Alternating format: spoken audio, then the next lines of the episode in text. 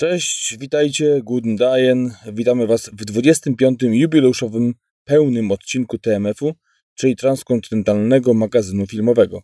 Dzisiaj mamy premiery, premiery najnowszego filmu o Pablo Escobarze, jakby ich ostatnio było mało. Tym razem z Penelope Cruz. Oprócz tego także komedia romantyczna, western australijski, a także dramat amerykański Twój Simon jako najbardziej wyczekiwana premiera według fanów portalu Filmweb. Natomiast dzisiejszym głównym filmem jest świetny, mocno zapomniany, a przy tym niesamowicie oryginalny amerykański film biograficzny American Splendor z 2003 roku ze świetną rolą Paula Giamatego. Film ten był nominowany do Oscara za scenariusz. Także zapraszamy i trzymajcie się ramy.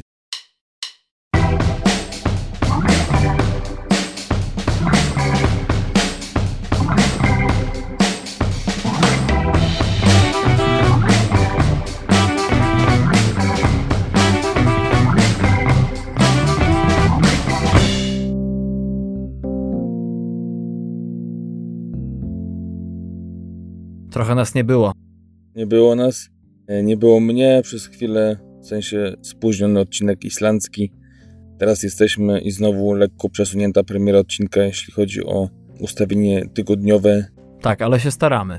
Starałem się bardzo, ale no ostatnio warunki społeczno, pogodowo, socjalno może się pochwal po prostu, w jakich warunkach przyszło ci nagrywać ostatni odcinek. W ostatnim półodcinku lekko napomknąłeś o tym, ale przyszpilę cię publicznie, bo historia warta uwagi. No tak, ostatnio, yy, może inaczej, zacznę od tego, że wcześniej, jak zaczęliśmy nagrywać, w momencie, kiedy przeprowadziłem się na Islandię, no miałem dość nie super komfortowe warunki, ale jakieś były w sensie prywatność, jakieś wyciszenie, pokój, gdzie w miarę można było nagrywać. Teraz niestety jestem w innym miejscu. Jest to inne mieszkanie i w ogóle całe to siedlisko, w którym mieszkam, nie nadaje się do nagrywania. Raz, że przeszkadzałbym ludziom śpiącym, bo jak wiecie pewnie, ta różnica między nami jest minimalna, bo 4 godziny, ale jednak to są u mnie dalej godziny nocne, więc w nocy ludziom przeszkadzał i wybrałem się z moim tym razem mobilnym studiem w samochodzie na górę Husawicką, czy raczej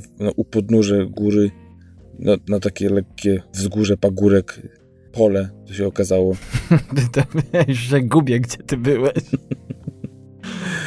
pole na górze, o. Takie morskie oko bez wody. O, o, idealnie. Coś takiego, taki uskok, pulpit rock, jakby to powiedzieli w, w Norwegii. I tam podjechałem w nocy o pierwszej chyba, koło drugiej było jak kończyłem wśród natury islandzkiej, nagrywałem no i tak to wyszło jak wyszło. Troszeczkę też inne warunki były sprzętowe. I samochód też e, chyba ci trochę nastręczył, co? Tak, jeszcze samochodem stanąłem pod kątem mniej więcej 30 stopni, więc okazało się, że też i kanapa skrzypi, więc trzeba było w jednej pozycji stać, siedzieć. O, dobrze, że chociaż siedziałem i no, było przejść. Jak się okazało, tym razem jesteśmy razem. To się pochwal, gdzie teraz nagrywasz. Tak, teraz jest to znowu to samo auto, podobne mobilne studio, ale już zdecydowałem się zostać tutaj przy mieście i gdzieś schować się między budynkami, żeby z kolei nie wiało, bo dzisiaj lekko pada i była mocna wichura w ciągu dnia, teraz jest godzina po pierwszej znowu i no nie chcę chodzić w szczegóły, no może kiedyś zdjęcie wrzucę z tego e, mojego kombinowanego studia ale mam nadzieję, że jakoś to się nagra i jakoś po montażu też będzie miało ręce i nogi. A to już y, twoja kwestia jest. Wydaje mi się, że jeszcze trochę zmienimy nazwę podcastu na MMF, mobilny magazyn filmowy. I będzie to blog. Tak.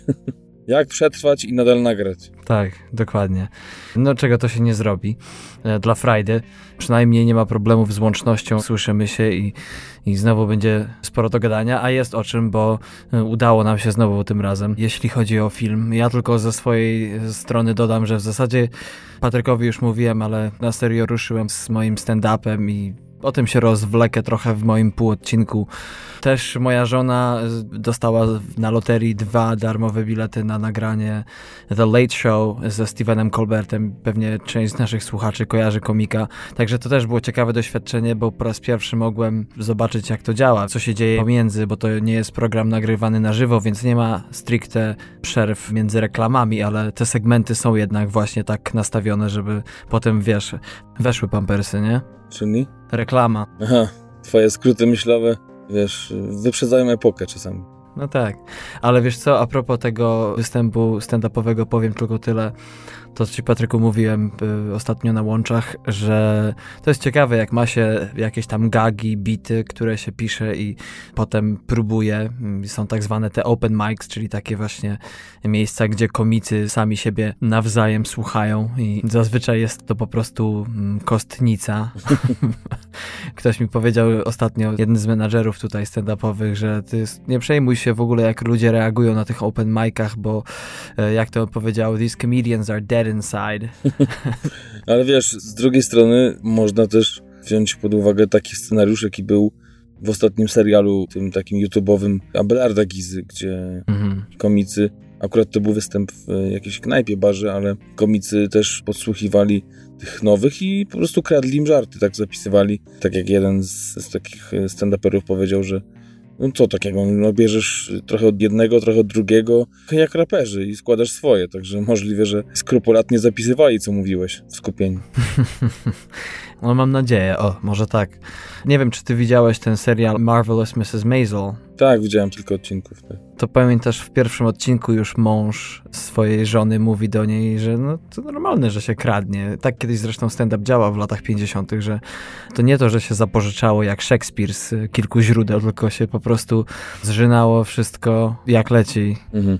Można i tak. Przed tobą pewnie jeszcze kawał drogi i fajnie, że no to może powiesz coś y, tak bardziej, pochwalisz się w swoim półodcinku o tym właśnie stand-upie. Myślę, że to ciekawy temat i też myślę, że wiesz, ludzie teraz słuchają, oglądają. Bardzo dużo tego jest y, nowego, jeśli chodzi o polski stand-up. Mhm. I takie, wiesz, odniesienie do, do amerykańskiego, gdzieś jakiegoś tam w cudzysłowie podziemia, czy takich początków, myślę, że to też będzie y, ciekawe. Także mam nadzieję, że coś więcej przybliżysz się pochwalisz. Sporo jest tych opowieści. To jest w ogóle bardzo ciekawy świat i powiem tylko tyle, że jak sobie nagrałem ten ostatni występ, y, zadzwoniłem do promotora, to jak zapytał się mnie, czy, czy miałem już wcześniej do czynienia ze stand-upem, to no, oczywiście, jest bardzo dużo. Tylko zapomniałem dodać, że y, jedynie oglądając. Mogłeś dodać do tego jak Joy, szermierkę, taniec. E, tak. Nie pyta się mnie, czy jestem śmieszny. Ja mówię tak, jak ostatnio chciałem pożyczyć samochód od mamy, to dokładnie tak to skwitowała. Ale to tyle. Mamę pozdrawiamy. Tak jest. Mamę pozdrawiamy, tym bardziej, że mamy niedługo spotkamy. I to razem spotkamy. Dokładnie. I nie wiadomo, który wyjdzie żywy z tego. Prawdopodobnie żaden. Mm, natomiast jeśli chodzi, kochani, o to, co przed y, naszą dzisiejszą selekcją, przed filmem, to mamy jeszcze premiery dla Was. Premiery na piątek 15 czerwca. Dzisiaj są cztery. W ogóle do kin wchodzi ich sześć. Jest to m.in. thriller Przemiana i animacja Odlotowy Nielot, o których dzisiaj mowy nie będzie, ale na Filmwebie możecie sobie tam zasięgnąć informacji. Zanim przejdziemy do premier na dzisiaj, tylko wspomnienie o Patryka ostatnim 24,5 odcinku. Tamto Patryk od mniej więcej 6 minuty 16 sekundy mówił o takich filmach jak Telma, Jurassic World, Upadłe Królestwo oraz o hicie, który chyba będzie Patryku no, głównym kandydatem jednym z głównych do nieanglojęzycznego Oscara, wydaje się, mam nadzieję, tak przynajmniej mówi prasa w przyszłym roku, czyli Zimna Wojna Pawła Pawlikowskiego. No tak, y, cytując y, tych właśnie brytyjskich komentatorów czy krytyków, he is favorite for a long distance. Mhm. Także coś w, tym, w stylu chyba, że, że kilka długości jak Usain Bolt już na samym początku wyprzedza konkurencję. Jesteśmy chyba można, chociaż nie wiem, czy to jest za wcześnie, żeby tak powiedzieć, ale pozostaje tylko trzymać kciuki za to, że rośnie nam kolejny główny przedstawiciel, przynajmniej na skalę międzynarodową, przedstawiciel polskiego kina. Takim był Andrzej Wajda i Roman Polański oczywiście, który nadal jest w tym panteonie, natomiast być może okaże się, że właśnie to Pawlikowski będzie tym kolejnym filmowym wieszczem. I jeszcze Kieślowski oczywiście. No mam nadzieję, bo Ida pokazała, że ma potencjał. Zresztą te wszystkie lata spędzone w Wielkiej Brytanii i też poprzednie filmy, które przecież miały nominacje, o czym też mówiłem w odcinku do, do nagród BAFTY, mhm. czyli tamtejszego brytyjskiego rynku filmowego, czy też Akademii Filmowej. No, wszystko to idzie w dobrym kierunku i fajnie, że też wyciąga te gwiazdy nasze, nie że podupadłe, tylko no takie, które już trochę przebrzmiały, czy już te najlepsze role wydawało się mają ze sobą mhm. i gdzieś na mnie odświeżył i też kilka takich ciekawych twarzy zagrało. No i tak jak rozmawialiśmy chyba w ostatnim pełnym odcinku, mam nadzieję, że uda mi się na ten film iść i jeszcze będą go grali za, za miesiąc, bo tak za miesiąc będę w Polsce i będę chciał się wybrać oczywiście. No tak. Ja mam nadzieję, że jak nie na DVD, to na pewno w Nowym Jorku zaczną go grać gdzieś w jakiejś limitowanej serii. Ja myślę, że, że jeżeli faktycznie ta machina promocyjna ruszy Oscarowa, to prędzej czy później się pojawi w kinach, tak samo jak było, pamiętasz, z Tonim Erdmanem tak. E, przed Oscarami i, i, jak nie w tym roku, to może w przyszłym, wiesz, przez samą ceremonię. Myślę, że będzie. A propos tego filmu, czyli Tony Erdmana, to kogo bym nie spotkał, to im się tak ten film podobał. Także ja już nie wiem. Chyba będę musiał jeszcze raz go obejrzeć. Mhm. Fakt, że Ida nie osiągnęła aż tak wielkiego sukcesu zanim zdobyła Oscara, i przyspieszenie tego procesu dystrybucyjnego nabrało tempa dopiero właśnie w okolicach przedoskarowych, a tutaj jednak e, zimna wojna już naprawdę ma solidne plecy. Ale tyle o tym, kochani. Premiery na 15 czerwca. Wybrałem sobie jako pierwszy mój film opowiedzieć jednak o tym kolejnym filmie o Pablo Escobarze. Coś w tym jest, że temat ciekawy, ale formuła jakby się chyba wyczerpała póki co. Kryminał biograficzny Kochając Pabla nienawidząc Escobara z oryginalnego tytułu Loving Pablo. To film produkcji hiszpańskiej i bułgarskiej. Jego premiera nastąpiła pozakonkursowo na Międzynarodowym Festiwalu w Wenecji jeszcze w zeszłym roku, 6 września. Do kina jako pierwszy ten film wszedł w Brazylii w zeszły grudzień, natomiast e, w Hiszpanii co ciekawe, oprócz festiwalu w San Sebastian we wrześniu zeszłego roku, ten film w ogóle nie ujrzał światła dziennego w kinach. Widocznie było to pokłosiem tego, że jednak na tym festiwalu za dużo mu się nie zgarnęło. Reżyserem i scenarzystą tego filmu jest Fernando León de Aranoa, reżyser, który na swoim koncie ma naprawdę całkiem sporo nagród, bo zdobył już aż sześć Hiszpańskiej Akademii Filmowej i siedem we wspomnianym San Sebastian. Jego Najbardziej znane filmy to m.in. dramat Dzielnica z 98 roku, komediodramat Poniedziałki w Słońcu i to był jego pierwszy, no i jeden z dwóch filmów do tej pory z Javierem Bardemem. Potem jeszcze reżyserował taki film jak Księżniczki czy Niewidzialni z 2007 roku, a jego ostatnim filmem był dramat Cudowny Dzień sprzed dwóch lat z Olgą Kurylenko, Benicio del Toro i Timem Robinsem. Jeśli chodzi o akcję dzisiejszego kryminału, to rozgrywa się w 1981 roku. Patryka jeszcze wtedy nie ma na świecie. Najpotężniejszy baron narkotykowy XX wieku, czyli Pablo Escobar, trudni się przede wszystkim przemytem kokainy do USA, ale i także do innych krajów. Na ówczesne czasy jego zarobki, jego majątek szacowało się na 55 miliardów dzisiejszych dolarów. Nie dziwo, że zwabił też w ten czy inny sposób do siebie gwiazdę kolumbijskiej telewizji, jaką była Virginia Vallejo, która zakochuje się w nim bez pamięci. Jednak z czasem zaczyna poznawać mroczne kulisy działalności swojego dość ciekawego kochanka, ale jednak coś tej kobiecie nie pozwalało tak łatwo od Pabla odejść. Wspomnianą gwiazdę, piękność kolumbijską gra w tym filmie oczywiście Penelope Cruz, która do tej pory ma na swoim koncie trzy nominacje do Oscara za film Volver Pedro Almodovara, za Nine 9 Roba Marshalla, a Oscara zdobyła w 2009 roku za film Woody'ego Allena Vicky Cristina Barcelona.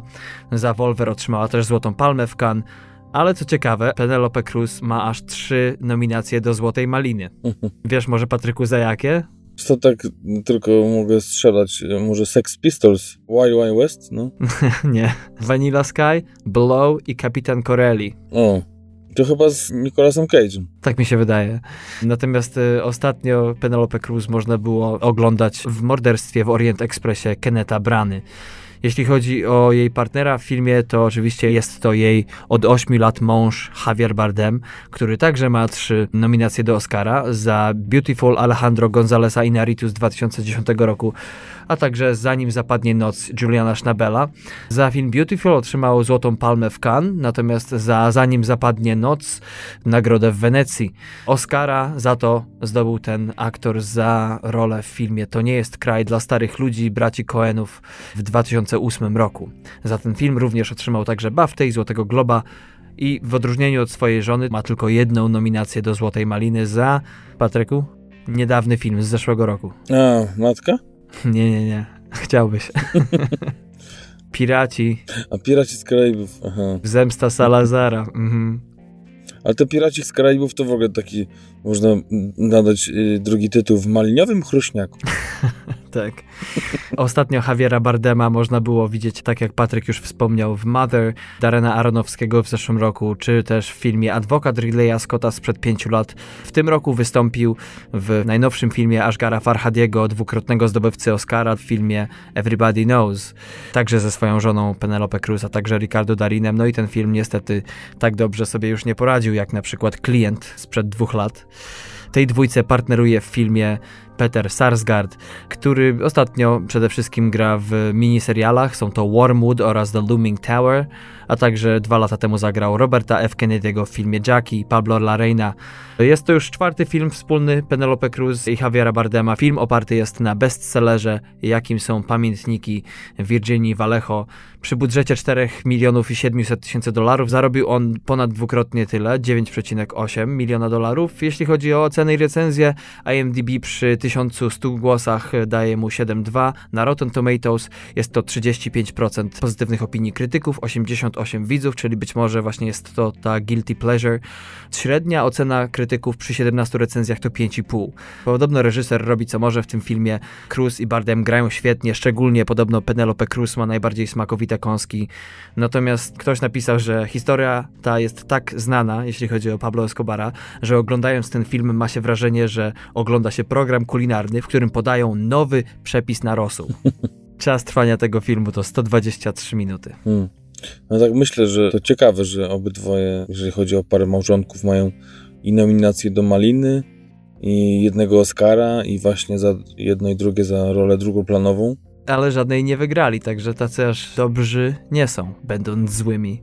No nie, nie, nie, ale wiesz, no właśnie mówię, i, i, i Oscary się zgadzają, te same role, i nominacje do Malin, i, i też mówiłeś, że mają po jednej nagrodzie w Cannes, więc no naprawdę podobne do siebie kariery. Szkoda, że takie talenty, przynajmniej tak wynika z tych recenzji, zostały zmarnowane. Można było zrobić coś bardziej ciekawego, nie? No zresztą ciężko przebić przecież te i te dokumenty ostatnio, które są świetne o Escobarze i przecież serial na Netflixie, także ciężko, żeby jakiś inny jemu dorównał.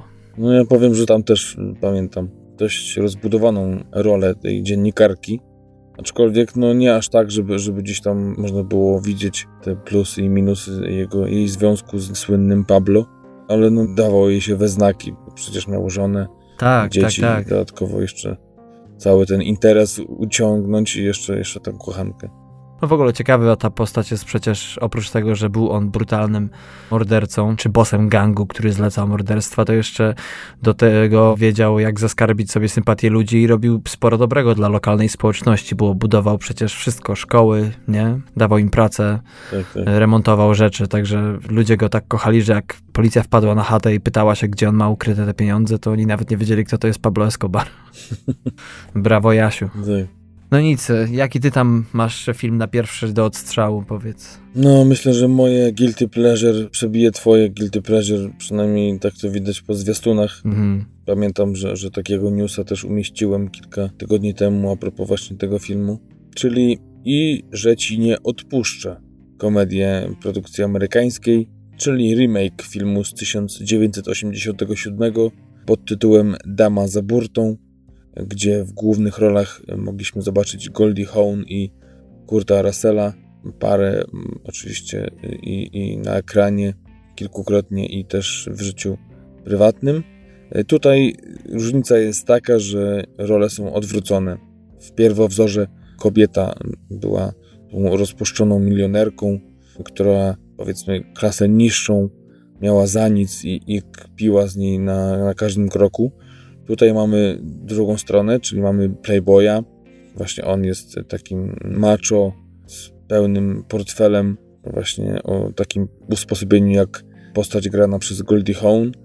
A po wypadku, tak samo jak i w pierwowzorze, w którym traci pamięć, pracująca u niego i poniżona przez niego Kate udaje kochającą żonę i wykorzystuje amnezję, na którą właśnie zapadł Leonardo. I jak się okazuje, ten nieoczekiwanie bardzo dobrze wywiązuje się z nowych obowiązków jako ojciec i jako mąż. Reżyserem tego Guilty Pleasure jest Rob Greenberg, zdobywca nagrody Emmy aż trzykrotnie w latach 1997-99 za serial Fraser.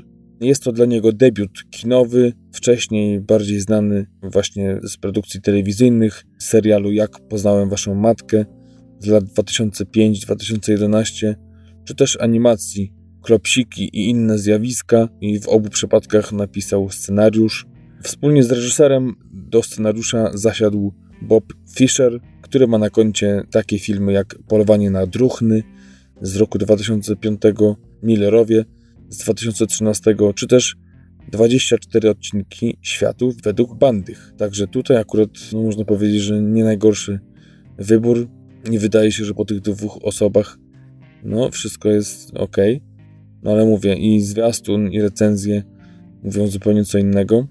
Jeśli chodzi o role główne, mamy tutaj Annę Ferris, ostatnio bardzo popularną podcasterkę, która współprowadzi i lideruje podcastowi pod tytułem Unqualified od 2015 roku, a możecie ją kojarzyć przede wszystkim chyba z serialu, nadal z serialu Mamuśka, gdzie występowała i występuje dalej od 2013 roku filmu Króliczek z 2008, no i też przede wszystkim wcześniejsza jej kariera mocno opierała się na czterech kolejnych częściach filmu Straszny Film, a ostatnio czwarta część wyszła w roku 2007. Wspomnianego wcześniej Leonardo, czyli Playboya, gra Eugenio Derbez, którego możecie kojarzyć ze świetnego przeboju kina meksykańskiego Instrukcji nie załączono. Może Darku pamiętasz, ostatnio był remake francuski z Omarem Sajem. Tak, tak.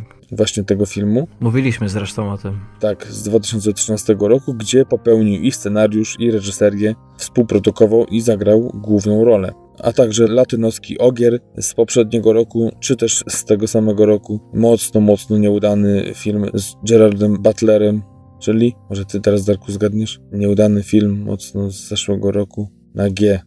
No i wypadło mi. Geostorm. Ach, ta klasyka gatunku.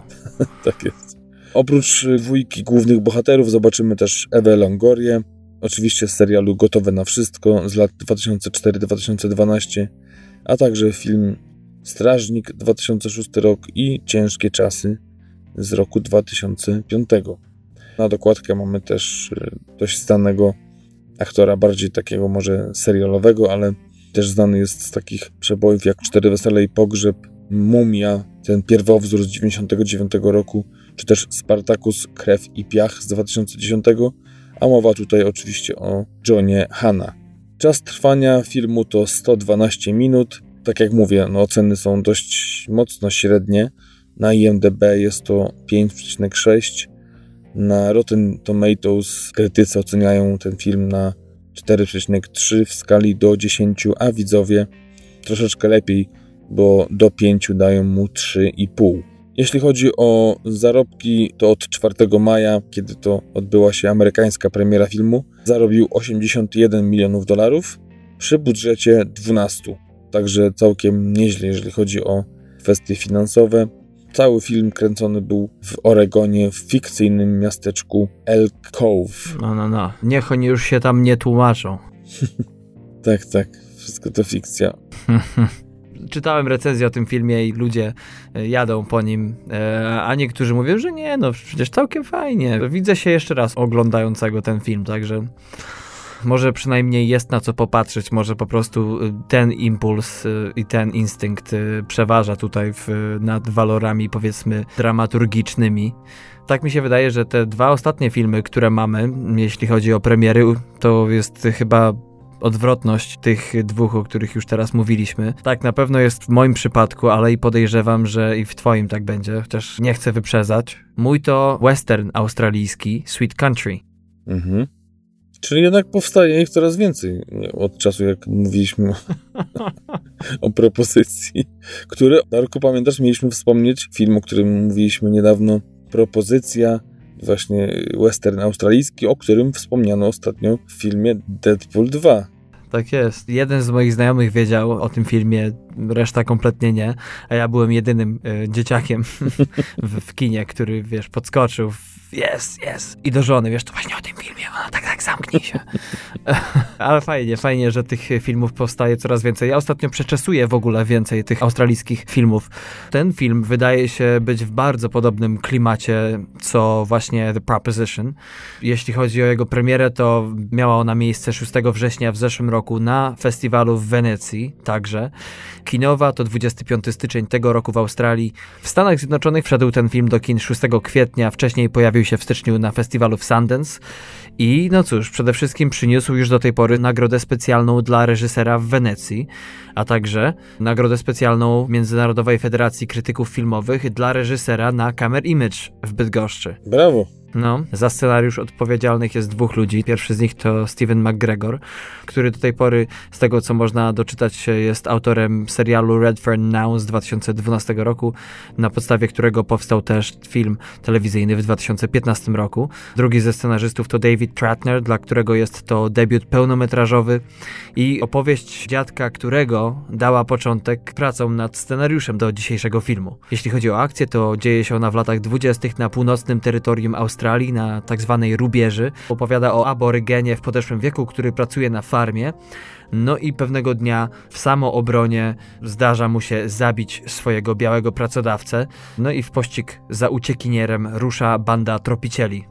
Jeśli chodzi o reżyserię, to tutaj jest to Warwick Thornton, 48-letni australijski reżyser. Już na początku samym, kiedy wziął się za filmy krótkometrażowe, to przychodziło mu to naprawdę z niezłym skutkiem. Między innymi jego film został nagrodzony na Berlinale Kryształowym Niedźwiedziem w 2007 roku. Był to film Nana. Oprócz tego jest znany też za reżyserię melodramatu australijskiego Samson i Dalila w 2009 roku. Za ten film dostał Złotą Kamerę dla debiutanta w Cannes był też e, również autorem scenariusza. Sporo ten film zgarnął też nagród od Australijskiej Akademii Filmowej, no i jego ostatnim do tej pory filmem jest The Turning z 2013 roku z Hugo Weavingiem, czyli słynnym agentem Smithem z Matrixa. Jeśli chodzi o obsadę, to uciekiniera gra tutaj Hamilton Morris, kompletny debiutant, jeśli chodzi o film. Poza jednym nielicznym, mało znanym epizodem w telewizji australijskiej jest to kompletna świeżynka. Natomiast partneruje mu Sam Neill, słynny brytyjski aktor, znany przede wszystkim z takich filmów jak Jurassic Park, ten oryginalny, czy Zaklinacz Koni. Dwóch kolejnych aktorów bardziej znanych to Thomas Wright, na jego koncie mamy przede wszystkim kryptonim H, trzecie H małe, Everest, a także serial Tajemnice Lake Top, a Brian Brown wystąpił w dramacie Australia. Jeśli chodzi o ciekawostki dotyczące tego filmu, to jest on oparty na faktach. Sam reżyser ma korzenie aborygeńskie, jest mocno związany ze swoją kulturą. Jego twórczość bardzo często właśnie porusza trudne tematy w tamtej mocno niechlubnej części australijskiej historii. No i jest to dla niego powrót w rodzinne strony, bo film był kręcony w okolicach Alice Springs, a lokalna społeczność w większości statystowała w tym filmie.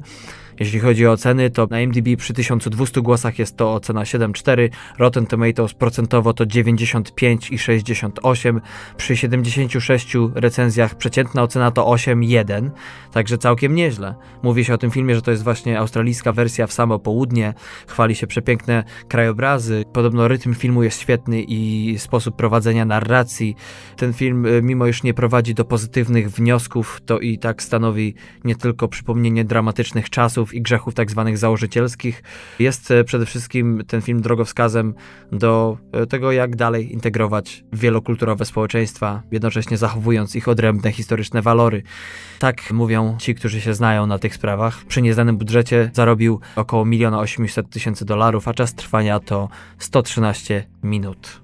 Tak sobie myślę, obiecujący reżyser I też mi się skojarzyło z naszym obiecującym reżyserem, Patryk Wega, um, który zawsze bardzo dużo obiecuje. Ja nie wiem, co ten Patryk będzie musiał ci kupić, żeby się wprosić, wkupić ponownie właski. Ostatnio rozmawialiśmy o ataku paniki i właśnie o tym, że, że dość słabo jest oceniany film. Moim zdaniem świetny. Byłem z żoną na walentynki w Polsce, jak byłem w kinie. I ktoś właśnie w jakiejś recenzji porównał, że próbuje naśladować geniusza Patryka Wege. Aha. Wiesz co, powiem tylko tyle. Film ten od e, kilku dni jest dostępny już na DVD, także już e, złożyłem zamówienie i jak tylko dopadnę go, to na pewno rozbiorę na czynniki pierwsze, bo aż niemożliwe jest to, a znając e, twój i mój gust, to zazwyczaj jest tak, że jak coś mi się podoba, to tobie kompletnie. Natomiast jak tobie się coś spodoba, to albo po prostu tak się sugeruje, albo jestem pod takim twoim urokiem, albo rzeczywiście z tym twoim gustem nie jest najgorzej. Jedno z trzech.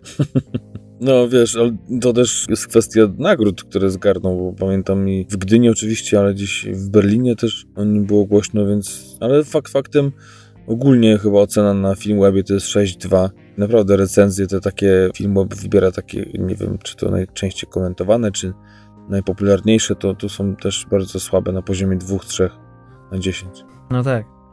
No ale dobra, tyle o tym filmie, bo rozgadamy się. A powiedz mi, zadowolony jesteś ze swojego ostatniego filmu, ostatniej premiery? No właśnie, muszę powiedzieć, że, że ten film mnie zaskoczył zupełnie. Od razu powiem, że go oglądałem.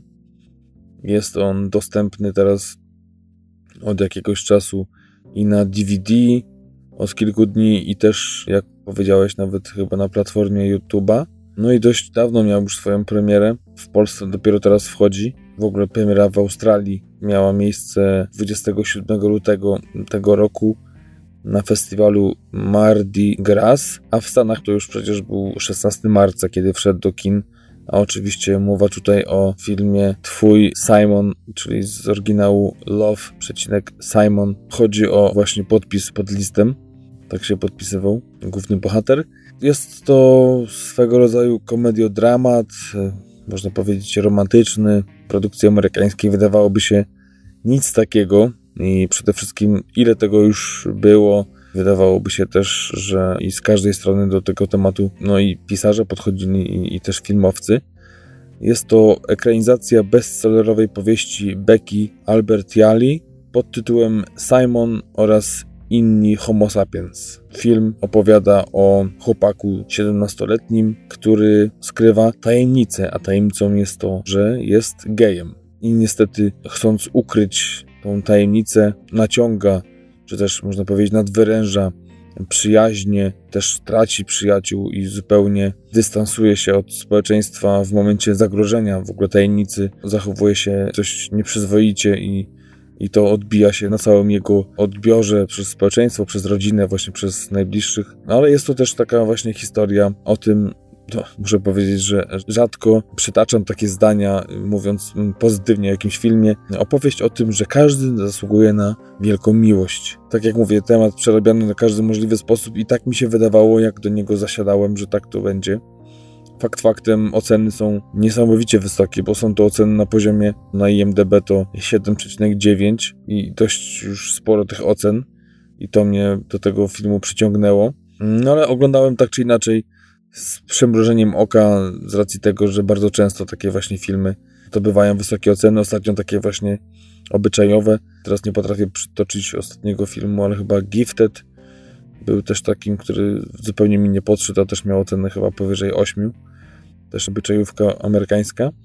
A ten film wciągnął mnie niesamowicie swoim klimatem, ale i taką naturalnością, innym oryginalnym podejściem do tego tematu, niewymuszonym takim, taką historią właśnie o wrażliwym chłopaku z dobrej, ułożonej rodziny, gdzie naprawdę rodzice są wyrozumiali do granic praktycznie możliwości.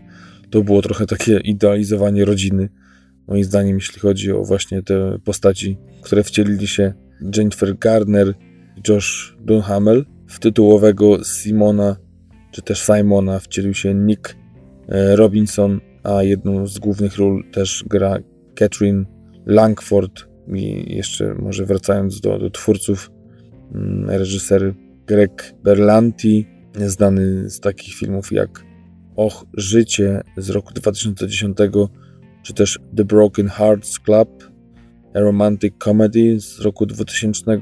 I co ciekawe, w obu tych filmach jedną z gwiazd był właśnie Josh Dunhamel, o którym wspomniałem wcześniej, ale także serial Flash, teraz nowe, powiedzmy, odkrycie, nowe karty, jeśli chodzi o ten serial z lat 2014-18 oraz serial Arrow z lat 2012-2016. Za scenariusz tutaj odpowiada Elizabeth Berger, która napisała kilka odcinków do serialu Był sobie chłopiec z lat 2014-2015, także serial The Neighbors 2012-14, a razem z nią współpracuje Isaac Aptaker, który tak naprawdę prawie całą swoją karierę współpracuje z Berger i tak to właśnie miało miejsce przy tych serialach, o których mówiłem wcześniej.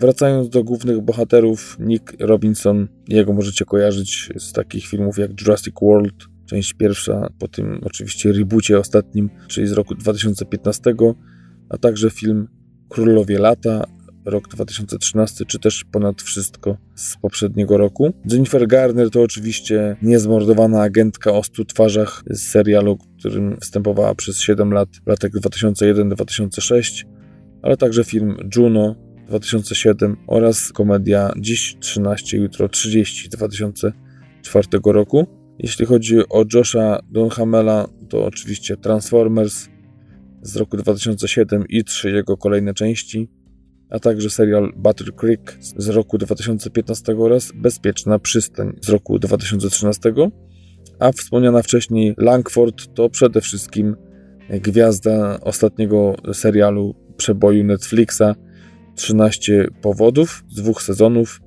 gdyż jest to główna bohaterka tego serialu, ale także Misguided, film, który wyszedł w tym roku na początku, w styczniu i też śmieszny i pozytywny, grający wicedyrektora Tony Hale, którego możecie kojarzyć z Bogatych Bankrotów z pięciu sezonów w latach 2003-18 i właśnie ostatnio wyszła cała seria, piąta. No taka powiedzmy po dwóch odcinkach mogę powiedzieć, że mocno średnia, no ale cóż, tak to pewnie musiało być troszeczkę, wydaje mi się, że przyspieszona ta premiera tego nowego sezonu. Ale także serial Figurantka, gdzie zagrał świetnego asystenta głównej bohaterki z lat 2012-17 oraz Przypadek Harolda Krika z 2006 roku.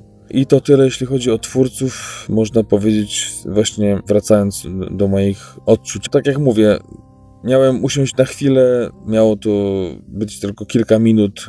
Wydawało mi się, że pewnie znudzę się tym filmem, a niestety wciągnąłem się na tyle, że obejrzałem do końca i kończyłem w późnych godzinach nocnych. I jak zwykle poszedłem do pracy niewyspany, jak to bywa przy takich filmach. Ogląda się romanse. No właśnie, zupełnie, ale to zupełnie nie w moim stylu. Nigdy mi się nie spodziewał, że taki film mnie wciągnie.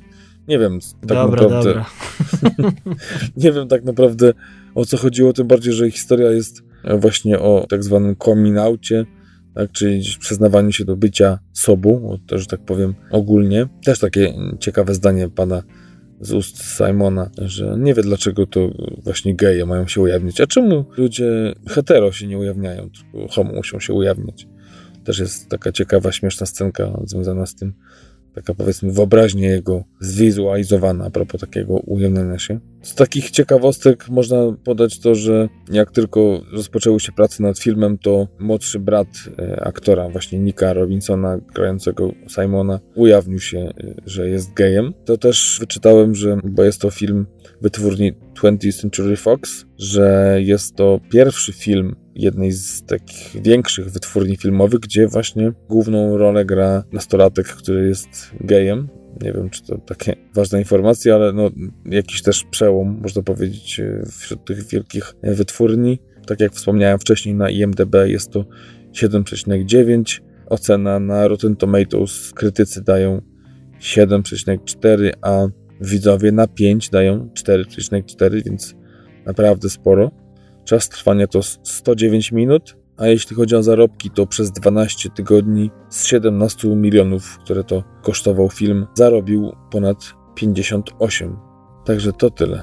O Love Simon, czyli Twój Simon.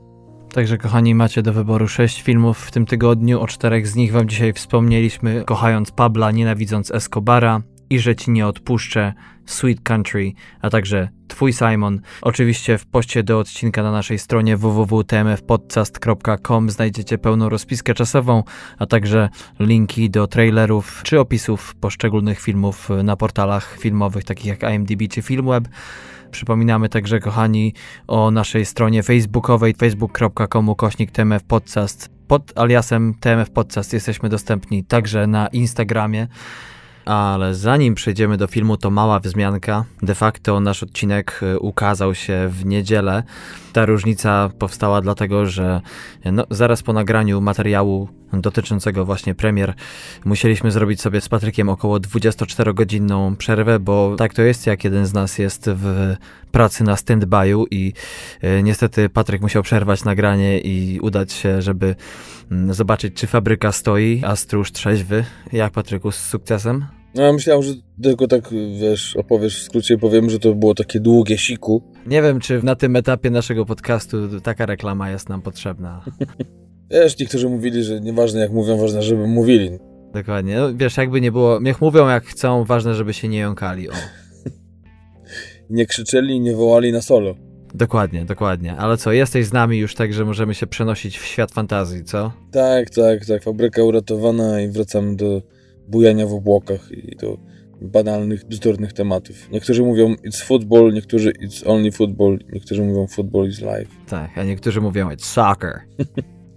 Jeśli chodzi o dzisiejszy film, o dzisiejszą perełkę, to może na początku wspomnę tylko o czym jest ten film. Jest to film biograficzny oczywiście, ale w odróżnieniu od wszelkich innych filmów biograficznych jest to film o nieznanej osobie. Praktycznie kompletnie poza Stanami Zjednoczonymi, a w szczególności jeśli chodzi o kręgi związane z komiksami, zwłaszcza undergroundowymi, bo dzisiejszym bohaterem jest nieżyjący już od 8 lat Harvey Pekar, który w Stanach Zjednoczonych w 70. i w 80. latach odniósł całkiem znaczny sukces i stał się twórcą kultowym, jeśli chodzi o właśnie amerykański komiks, Patryku. Więc tutaj pytanie jest, nasuwa się proste. W jaki sposób można zrobić film o tak podobno banalnej osobie, zwykłym, e, szarym obywatelu, który tam powiedzmy sobie komiksy produkuje, w taki sposób, że no, jest to film powiedzmy nieznany, ale jeśli chodzi o oceny i recenzje, mocno doceniony. Wiesz, y, to nie jest dokładnie tak, że on jest nieznany, bo jak pewnie pamiętasz, Miał nawet nominację za scenariusz do Oscara. Tak. Też, też jeszcze kilka nagród, nawet nie kilka, bo w sumie aż 31 nagród i 49 nominacji zdobył do przeróżnych nagród na świecie. Mhm. No ale to wiadomo, właśnie tak jak mówisz, film, a nie postać. Postać jest mocno, a można powiedzieć amerykańska, mocno wpisana właśnie w to comic novel, jak to mówiłeś, że tak średnio to można przetłumaczyć. Jest on autorem komiksów, które potem, bo tak myślałem, czy były to nowele graficzne, czy komiksy, to były komiksy które potem były wydawane w postaci antologii. Także to można powiedzmy liczyć jako taką graphic novel, ale jednak złożoną z kilku jakby odcinków.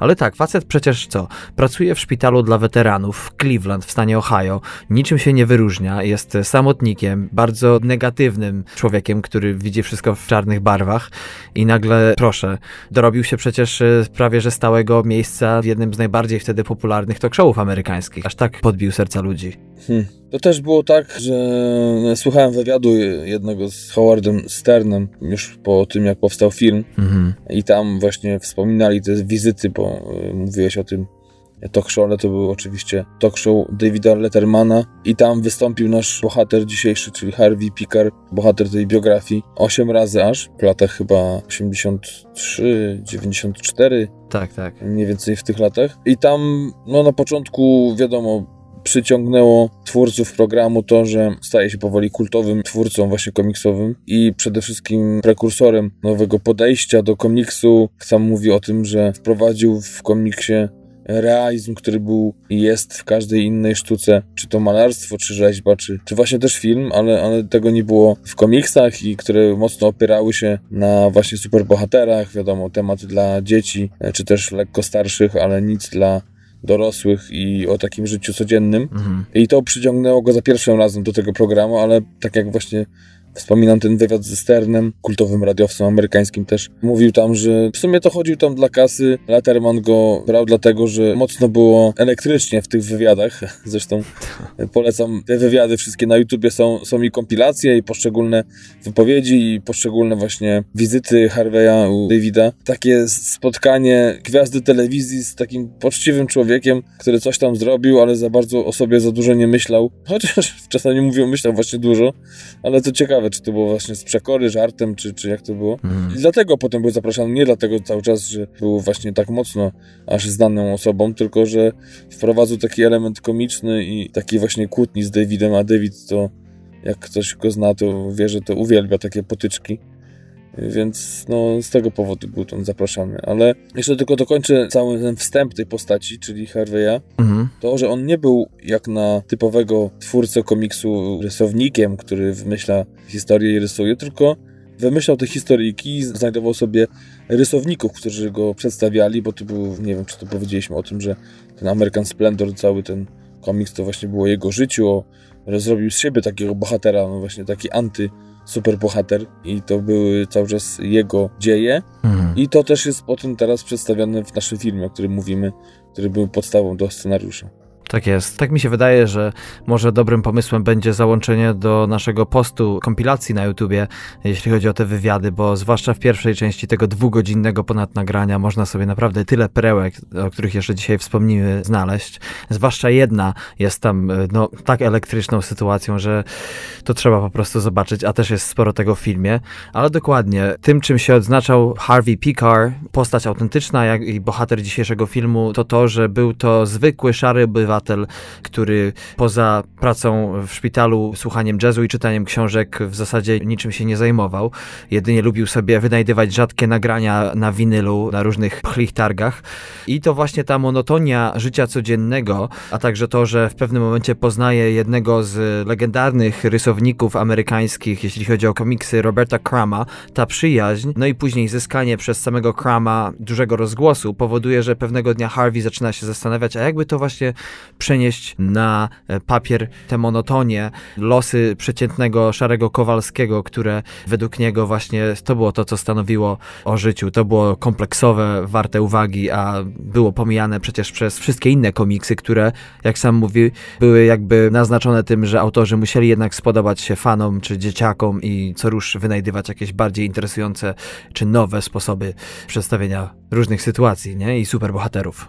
A co ciekawe, że powiedziałeś o tym, iż są to losy przeciętnego Kowalskiego, gdyż no, sam Harvey Pickard jest w 100% amerykański, ale, ale już rodzice jego to jest para imigrantów, którzy pochodzą z Białego Stoku. Tak jest, także polskie korzenie są. Jeśli chodzi o premierę tego filmu, to miała ona miejsce aż 15 lat temu, aż czy tylko, na festiwalu w Sundance. Potem pojawił się na wielu różnych festiwalach, m.in. w Wenecji, w Karlowych Warach, w Warszawie na festiwalu filmowym, a w Stanach, co, co ciekawe, oprócz limitowanego wyświetlania w kilku kinach w sierpniu 2003 roku, ten film w ogóle nie trafił do szerszej dystrybucji i aż dziwi to, że no, historia historią, ale przecież grający głównego bohatera, czyli Paul Giamatti, bo to jest przecież ogromna marka, powinno przyciągnąć ludzi do kina, jednak tak nie było. No nie było, ale wiesz, jak na film niezależny przy budżecie 2 milionów zarobił 8. Mhm. Więc no taki nieznany film to, no myślę, że mocno dało kopa to, że, że dostał tą nominację do Oscara za scenariusz, ale też i, i wygrał nagrodę w Sundance, gdzie miał premierę. A propos takich premier też znalazłem wspominkę o tym, że 27 lutego 2004 roku była premiera na Islandii, także ciekawe, że akurat tutaj coś takiego tu przyciągnęło. Nie widziałem zarobków, ale samo to, że w ogóle tutaj dystrybutorzy zdecydowali się na takie kroki, taki właśnie film ściągnąć. Muszą mieć bardzo silne związki ze Stanami Zjednoczonymi. no i mają. No i tak samo Hope Davis, która wcieliła się w rolę ostatniej, trzeciej żony Harvey'a Pickara. Mhm. Też przecież została wyróżniona. Miała nominację do Złotego Globa za drugoplanową rolę i też jest taką, no, można powiedzieć, nie za bardzo znaną, ale no, ja ją kojarzę na przykład z serialu Terapia. Tak, tak, tak. No, oprócz tego miała jeszcze nominację do Złotego Globa. No nie jest to zbyt mocno znany film, ale był taki sobie w 2011 roku Władcy Świata o Tonym Blairze i Billu Clintonie i ona właśnie zagrała w tym filmie Hillary. Także to takie dwie rzeczy, z których można ją kojarzyć mniej więcej. Jeszcze Synecdoche New York Charlie'ego Kaufmana, tam też pomniejsza rola. No właśnie, to może jeszcze wspomnimy, jak już jesteśmy, odeszliśmy od całej opowieści o pikarze i mhm. tej całej no, fenomenalnej osobie, którą tu kiedyś gdzieś czytałem opinię, że jest to, a propos tego filmu American Splendor, brilliant made film about a very dull individual, czyli teoretycznie świetny film na podstawie życia bardzo nudnej osoby, co wcale nie jest prawdą. Przede wszystkim kłóci się z tym założeniem w ogóle filmu i samego komiksu, ale tu mówię, to zaraz przejdziemy. Mhm. Może parę słów o technikaliach filmu, czyli no, jak to film, jeszcze dodatkowo pełnometrażowy, fabularny, to i ma reżysera i, i też ma scenarzystów. Tutaj mamy dwójkę małżeństwo zresztą. Shari Springer-Berman to jest żona Roberta Pulciniego i razem właśnie i napisali scenariusz i razem wyreżyserowali ten film i to jest ich mhm. E, największy sukces w karierze, więc ja mówię, no czasami tak jest, że mówimy czy to o bohaterze, czy o aktorze, czy o filmie, czy o postaci, o której mówimy. Dzisiaj to jest mocno będzie oparte na jednak bohaterze filmu, a nie na twórcach, gdyż, no tak jak mówię, to jest ich największe dzieło. Obydwoje razem mieli nominację do właśnie wspomnianego scenariusza.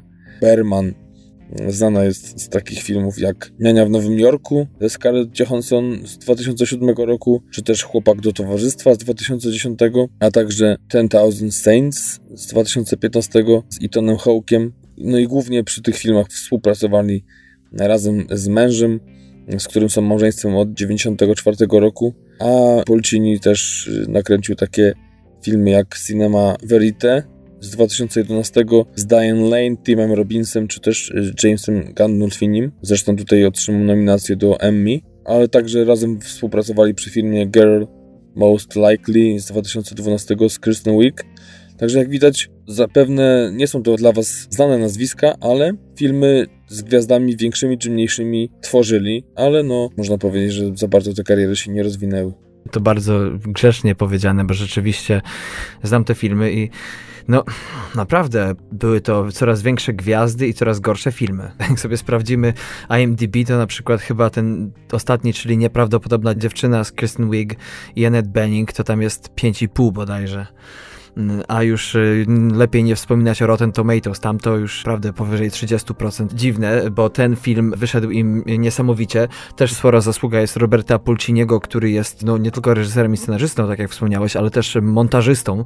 Tutaj y, jest to mocna strona, tu jeszcze o zdjęciach powiemy, ale y, film kręcony jest w 2003 roku. Zaczyna się w okolicach, jeżeli dobrze pamiętam, to 1972 roku, kiedy to Harvey po raz pierwszy w zasadzie wziął się poważnie za komiksy.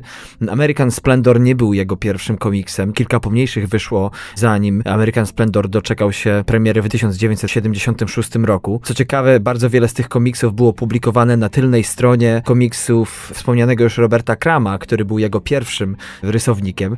Nawiązując do tego, co zacząłem, 2003 rok filmowanie, akcja 70 lata i prześwietnie wizualnie oddany klimat tamtych lat. No i oprócz tego Cleveland, prawda, które jest świetnie podsumowane przez trzecią żonę, którą poznaje w tym filmie nasz bohater.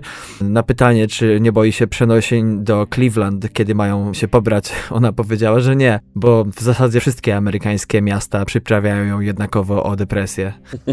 No i też tutaj a propos tego, mówisz, pokazania Cleveland i w ogóle całego tego życia Harveya, warto wspomnieć tutaj o tym oryginalnym podejściu do tematu filmu biograficznego, który właśnie opowiada o takim twórcy, czyli to, jak nawet chyba z tego co kojarzę, jak dostali nagrodę w Cannes, to tak była opisana ta nagroda za takie właśnie oryginalne połączenie różnych stylów, bo właśnie jest tutaj i film dokumentalny, gdyż sam Harvey Picker gra, tutaj są z nim wywiady, e, i żona jego też jest, i też jego przyjaciele, którzy są potem odwzorowani w różnych scenach takich już fabularnych. No i jeszcze oprócz tego jest narratorem, prawda? Tak, i co najważniejsze chyba, przeplata się to również z fragmentami komiksu. Tak jest, wspomnieliśmy już co nieco o aktorach. Hope Davis, która gra świetnie swoją drogą żonę e, Harveya. Samego Harveya gra Paul Giamatti, który był nominowany do Oscara w 2006 roku za rolę w Człowieku Ringu, Rona Howarda. Oprócz tego ma na swoim koncie dwa Złote Globy za serial John Adams, za który otrzymał również nagrodę Emmy, a także za całkiem naprawdę niezły film z 2011 roku e, Świat według Barneya całkiem niezły, mocno komediowy, idealnie skrojony pod Paula Giamatego. Tak naprawdę po tym filmie Paul Giamatti zaczął robić coraz większą karierę, bo potem były takie filmy jak Człowiek Ringu, tak, ale potem Iluzjonista, Idy Marcowe, Cluneya, Zniewolony, 12 Years a Slave. Mi akurat, y, jeśli chodzi o Giamattiego, to najbardziej kojarzy się, w sensie moment, kiedy ja go zauważyłem, mhm. to był film Bezdroża z 2004 roku, mocno taki mhm. niszowy, mocno indie, film, pamiętam, obsypany też nominacjami i Oscarowymi za scenariusz i też za, za rolę, tylko że akurat nie, nie Paula, tylko jego partnera z tamtego filmu. No ja już go mówię od tamtego czasu, czyli to już będzie 14 lat temu, jak go obserwuję. Mhm. Przedtem jeszcze grał w takich filmach jak Człowiek z Księżyca czy Szeregowiec Ryan, Truman Show pamiętam jeszcze, ale no to były mniejsze takie role, które w zasadzie jeszcze wtedy nie ugruntowały mu pozycji wśród tych powiedzmy teraz największych gwiazd amerykańskiego kina, choć nie tych, które są na głównych afiszach i zarabiają najwięcej, ale tak to już jest w tych Stanach Zjednoczonych. Ja tu chciałbym jeszcze wspomnieć o dwóch aktorach, którzy moim zdaniem grają fenomenalnie i gdyby była nagroda za naprawdę krótkie, świetne role, to już dawno nie bawiłem się tak świetnie jak na przykład oglądając y, Jamesa Urbaniaka, który gra tutaj właśnie wspomnianego już Roberta Krama, rysownika, dla którego to jest w zasadzie najbardziej znany film, bo jeszcze w Legalnej Blondynce wystąpił i w wielu, wielu serialach, ale oprócz tego Judah Friedlander, znany w, na pewno w Stanach Zjednoczonych komik amerykański, który największą do tej pory rolę zagrał w serialu 30 Rock, a tutaj w tym filmie gra postać Tobiego tak fenomenalnie i tak żywo, nawet chyba lepiej gra postać Tobiego niż Giamatti Mati gra postać Harveya, no kradnie moim zdaniem wiele scen w tym filmie i potem jak oczywiście mamy okazję obejrzeć część dokumentalną tego filmu, w której pojawia się prawdziwy Toby, który swego czasu był też osobliwością MTV, zdarzyło mu się. No właśnie po tym, po tym filmie też zauważyłem, że pojawiły się i krótkometrażowe jakieś formy i też właśnie takie, gdzie, gdzie był wykorzystany ten oryginalny ton jego głosu i takie podejście dość infantylne do życia, mm. no, to tak jak mówisz. Ale trzeba powiedzieć, że jak się patrzy na tą część dokumentalną i potem grę Friedlandera, to no, Oscar, moim zdaniem, się należy. No i przede wszystkim świetne jest to zestawienie, że widzimy na przykład w filmie tutaj naszym, o którym mówimy dzisiaj, główną dwójkę właśnie tych prawdziwych postaci, czyli Tobiego i Harveya, a w tle widzimy siedzących na krzesłach aktorów odtwarzających ich rolę później i to też jest ciekawe, też, też niektórzy krytycy podkreślają też duże uznanie za to, że, że no, masz zagrać kogoś, ten ktoś stoi obok ciebie i no i dajesz radę, tak? Jednak presję wytrzymujesz i, i ewentualne opinie czy docinki tej prawdziwej postaci, czy to dobrze, czy źle, ale tak jak powiedział Harvey, świetnie mu się współpracowało z Jamatim też czuł taką więź z nim i mówi, że w pewnym momencie było tak, że opowiadał żarty na planie i tylko Paul się śmiał. Mówi, że great audience. Najlepszym widzem był jego żart pod koniec produkcji. W tym filmie Harvey zwraca się też do kamery, de facto mówi do reżyserki ze swoją żoną, która siedzi obok i tutaj już ten Harvey jest taki dobrze stemperowany, bardziej miły, no może nie uśmiecha się, ale chyba najbliżej mu do uśmiechu tutaj w tym filmie, zwłaszcza w tej scenie, do której jeszcze wrócę, czyli kiedy w tej scenie, o której mówiłeś, kiedy on z prawdziwym Tobim sobie rozmawiają, a w tle widać aktorów ich odgrywających. Natomiast jeśli chodzi o samego Harveya, powiedzieliśmy już o tym, że właśnie publikował te komiksy, potem doczekał doczekał się antologii, w międzyczasie właśnie został zapraszany jako takie tanie pośmiewisko, można powiedzieć. Chociaż David Letterman robił świetną robotę, żeby Harvey się tak nie czuł, choć no fakt, wychodziło mu to czasami różnie, ale starał się. Jak ktoś zobaczy, zadacie sobie trud i klikniecie w kompilację w poście z tym odcinkiem, to będziecie wiedzieli o co chodzi, ale David Letterman chyba nie miał nigdy cięższego przejścia, znaczy miał kilka tam jeszcze innych, ale jeśli chodzi o właśnie takie odejście od scenariusza przede wszystkim, niż z Harveyem Picarem, bo takie kuksańce, jakie Picar mu w tych odcinkach słał, awanturę o pączki. Kiedyś David Letterman mu napisał przecież list specjalnie dla Harveya, to on przyszedł do następnego odcinka, podziękował i powiedział, że oto jest lista twoich błędów ortograficznych. pisał pytania do Davida, potem ich się nie trzymał, nie chciał. o tym rozmawiać, także to też, nie no. Te pompki robi sławne już. To było niesamowite. David Letterman w którymś odcinku zażartował, że nie wygląda na takiego atletę, ale podobno umie robić pompki na jednej ręce. No i Harvey na początku nie chciał, bardzo się wzbraniał, ale w momencie, kiedy niepostrzeżenie Letterman ukradł mu te pączki, powiedział, że nie odda ich, dopóki 40-kilkuletni pikar, który no nie wyglądał na szczyt zdolności fizycznych, odstawił tak niesamowitą robotę przed kamerami i zrobił tam kilka. Jeszcze mógłby jechać dłużej, gdyby nie czas antenowy, nie? Tak, tak. No i też myślę, że warto wspomnieć o tym rozdźwięku, jeśli chodzi o krytykę, gdzie mocno był doceniany, czy przez New Yorkera, czy generalnie przez krytyków. Mhm. W 1987 roku dostał American Book Award za właśnie pierwszą antologię swoją.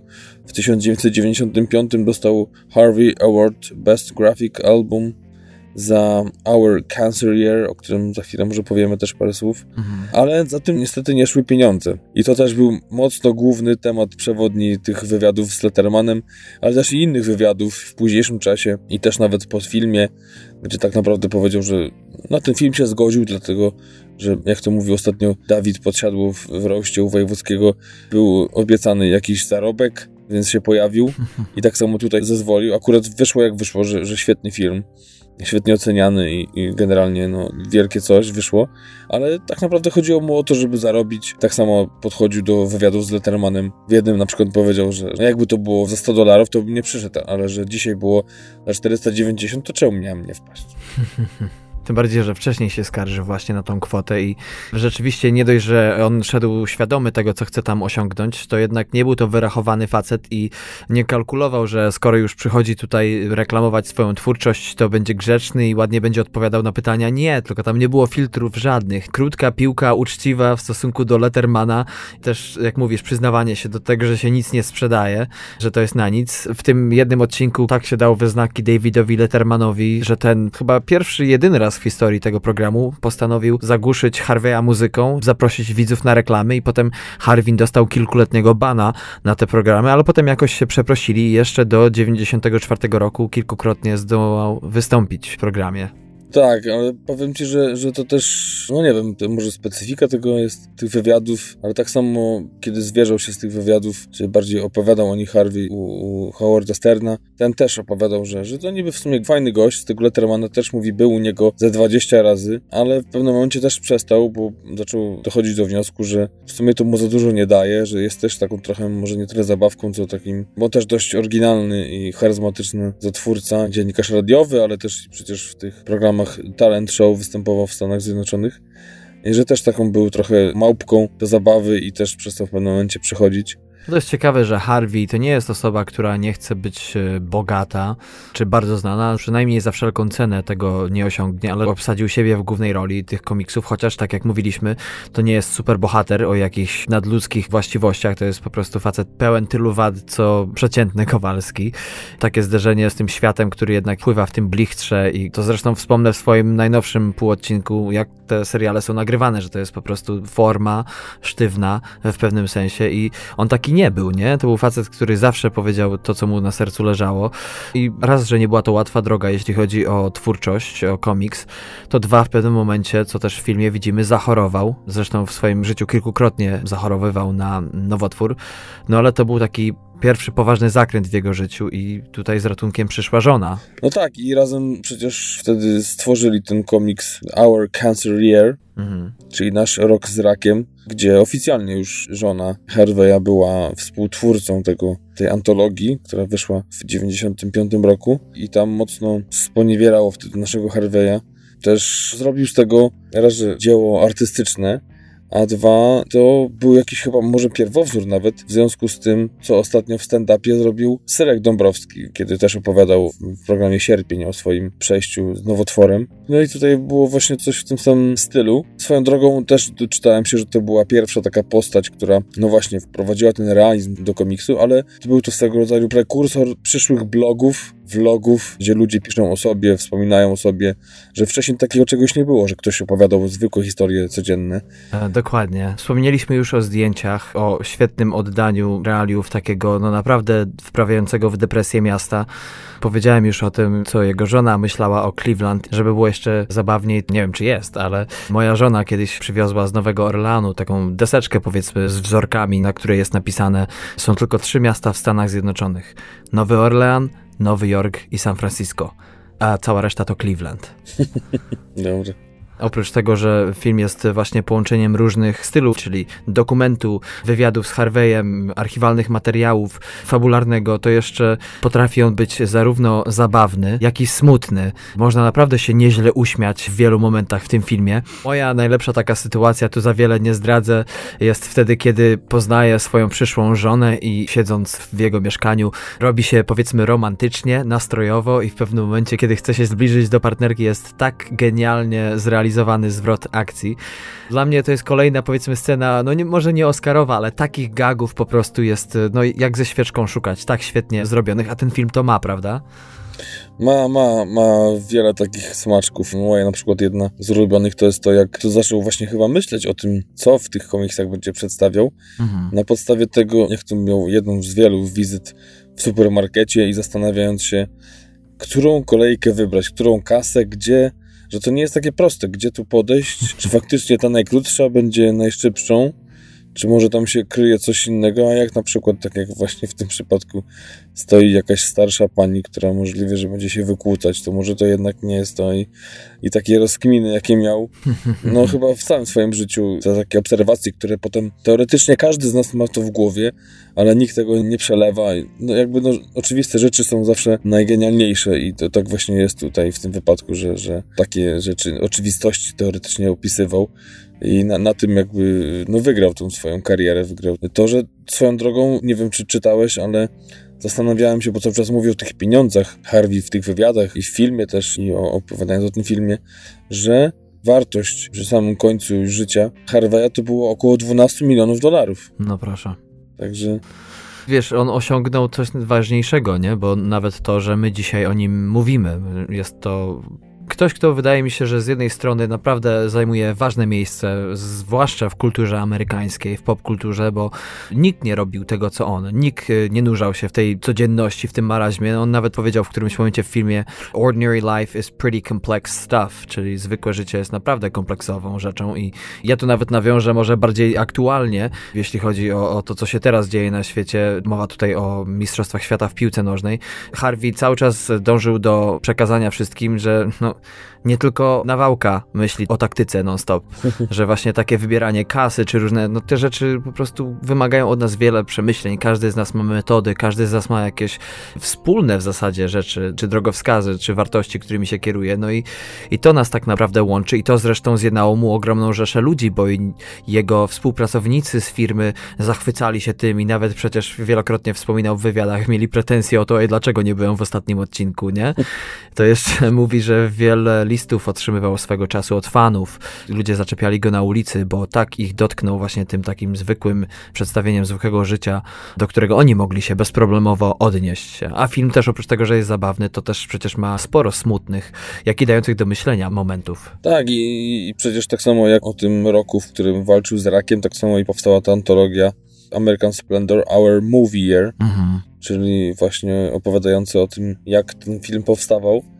Więc no po prostu spisywał całe swoje życie z każdym jego aspektem, z każdego możliwego kąta o, o nim opowiadał i rozważania snu, ale też co mi zapadło w głowę to to, że bardzo często mówił o tym właśnie realizmie w komiksach, ale też to, że tutaj masz po prostu rysunek i do tego masz słowo pisane, gdzie możesz, tak jak on mówił, użyć każdego jednego słowa, którego używał sam Shakespeare. To go ujęło, jaki potencjał drzemie w tych komiksach. Jak mało jest to rozeznane przez tych twórców, którzy, tak jak on mówił, że only want to earn a buck, czyli tacy, którzy chcą tylko zarobić na tych dzieciakach, którzy oglądają te wszystkie serie o, o superbohaterach i nic więcej jakby głębszego z tego nie wynikało. Mm. No tak sobie myślałem o tym, co on powiedział w jednym z tych wywiadów, bo mówił właśnie, że ci twórcy są ograniczeni, jeśli chodzi o to, co mogą zrobić ze względu na to, co powiedziałeś, ale ja się tutaj nie zgodzę z Harveyem. Uważam, że jednak oprócz tego, że miał bardzo ciekawe podejście, mocno oryginalne do twórczości przenoszenia tego życia, to jednak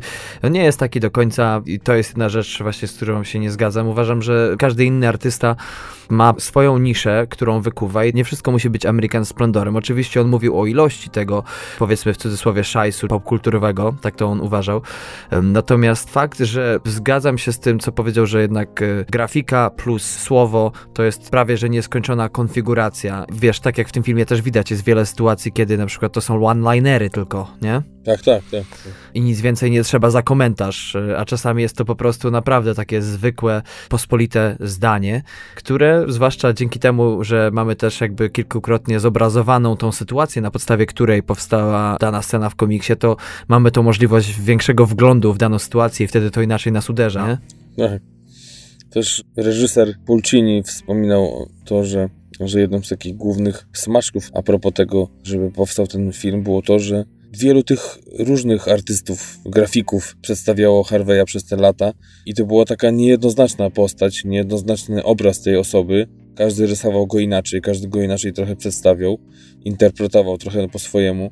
Zresztą nawet jego żona przecież, kiedy mieli się spotkać, ona była w ogóle zresztą wielką fanką komiksu i napisała do niego list, że właśnie prowadzi z chłopakiem taki kiosk z komiksami i skończył się nakład ostatniego numeru i czy mógłby jakoś skombinować, przysłać, czy jakiś sposób załatwić, żeby, żeby dostała. No i w końcu doszło do spotkania i to bała się, bo tak naprawdę nie wiedziała spośród tych wszystkich różnych Harveyów, który tak naprawdę jest prawdziwy, czy to były karykatury, czy to tak naprawdę był on, Mówię, cała ta właśnie, tak jak mówisz, nieskończona możliwościami forma komiksu i rysunku i to, że każdy ma gdzieś tam swój styl, też powodowało to, że, że no ten Harvey był dla każdego inny i to też przyciągnęło twórców właśnie filmu, który zresztą miał powstać w latach 80.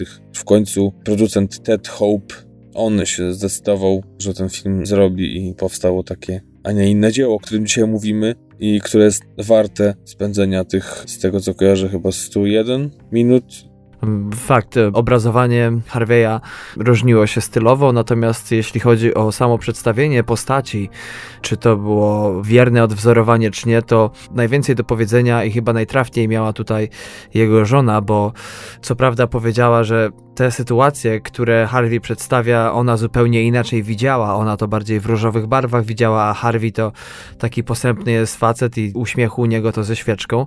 Ale kiedy Harvey przy niej został zapytany, czy jego właśnie przedstawienie nawet swojej własnej żony jest prawdziwe, powiedział, że no tak, że wydaje mi się, że realistycznie przedstawiłem. No oczywiście wiele rzeczy wyłączyłem z tego, bo wiadomo, że trzeba się pilnować i wtedy, kiedy to powiedział, to jego żona, nie patrząc w kamerę, po prostu tam gdzieś rozmyślając, skinęła głową tak do siebie. to było genialne. Zresztą to zobaczycie w filmie. Patryku, jaka jest twoja najbardziej ulubiona scena z tego filmu? Masz taką jakąś, e, która mocno ci zapadła w pamięć e, czymś? Wiesz co, no chyba, chyba ten dzień poznania się głównych bohaterów, czyli właśnie Harveya ze swoją ostatnią trzecią żoną, mhm. którą został już do śmierci w 2010 roku, to myślę, że to ta intensywność tego początku ich relacji. Podobały mi się też sceny właśnie z Urbaniakiem, czyli z Kambem, mhm. kiedy sobie po prostu siedzieli na przykład na przystanku, rozmawiali, taka jakby scena mocno statyczna, czy może pozornie nic nie mówiąca, a, a mówiąca jednak tak wiele. Chyba to. To wtedy, kiedy dochodziło do tych wywiadów z naszym głównym bohaterem, kiedy pojawiał się sam już w wieku 64 lat i było widać tę różnicę między tymi wywiadami z lat 80. Lettermana i to trochę tak złagodniał na starość, można powiedzieć. Więcej uśmiechu i mm. to chyba te takie najbardziej mi zapadły. Tak sobie słuchałem ciebie i miałem coś powiedzieć, ale oczywiście wyleciało. Ale dla mnie najgenialniejszą sceną a propos Harveya to jest jednak ta, o której ty już wspomniałeś, kiedy Paul Giamatti i Judah Friedlander siedzą sobie na krzesłach w tle kadru, natomiast przed kamerą stoi właśnie Harvey i stoi Toby i rozmawiają sobie o cukierkach. I to jest scena, która jest idealnym podsumowaniem zarówno tego filmu, jak i twórczości Harveya Picara, to co on chciał przekazać swoją twórczością. Ta scena jest tak naprawdę o niczym. Widzisz sobie dwie autentyczne postaci, które stoją i gadają o bzdurach. I to nawet tutaj nie zdradzam nic za wiele wam mówiąc a propos tej sceny. Po prostu obejrzcie sobie ją i zobaczcie, jaką reakcję ta z pozoru błaha i bzdurna sytuacja wywołuje na twarzach, zwłaszcza Paula Giamatego, ale też Judy Friedlandera. No i jak lepiej podsumować ten film niż po prostu stwierdzeniem, że te prozaiczne, małe rzeczy potrafią urosnąć do wydarzenia o randze narodowej.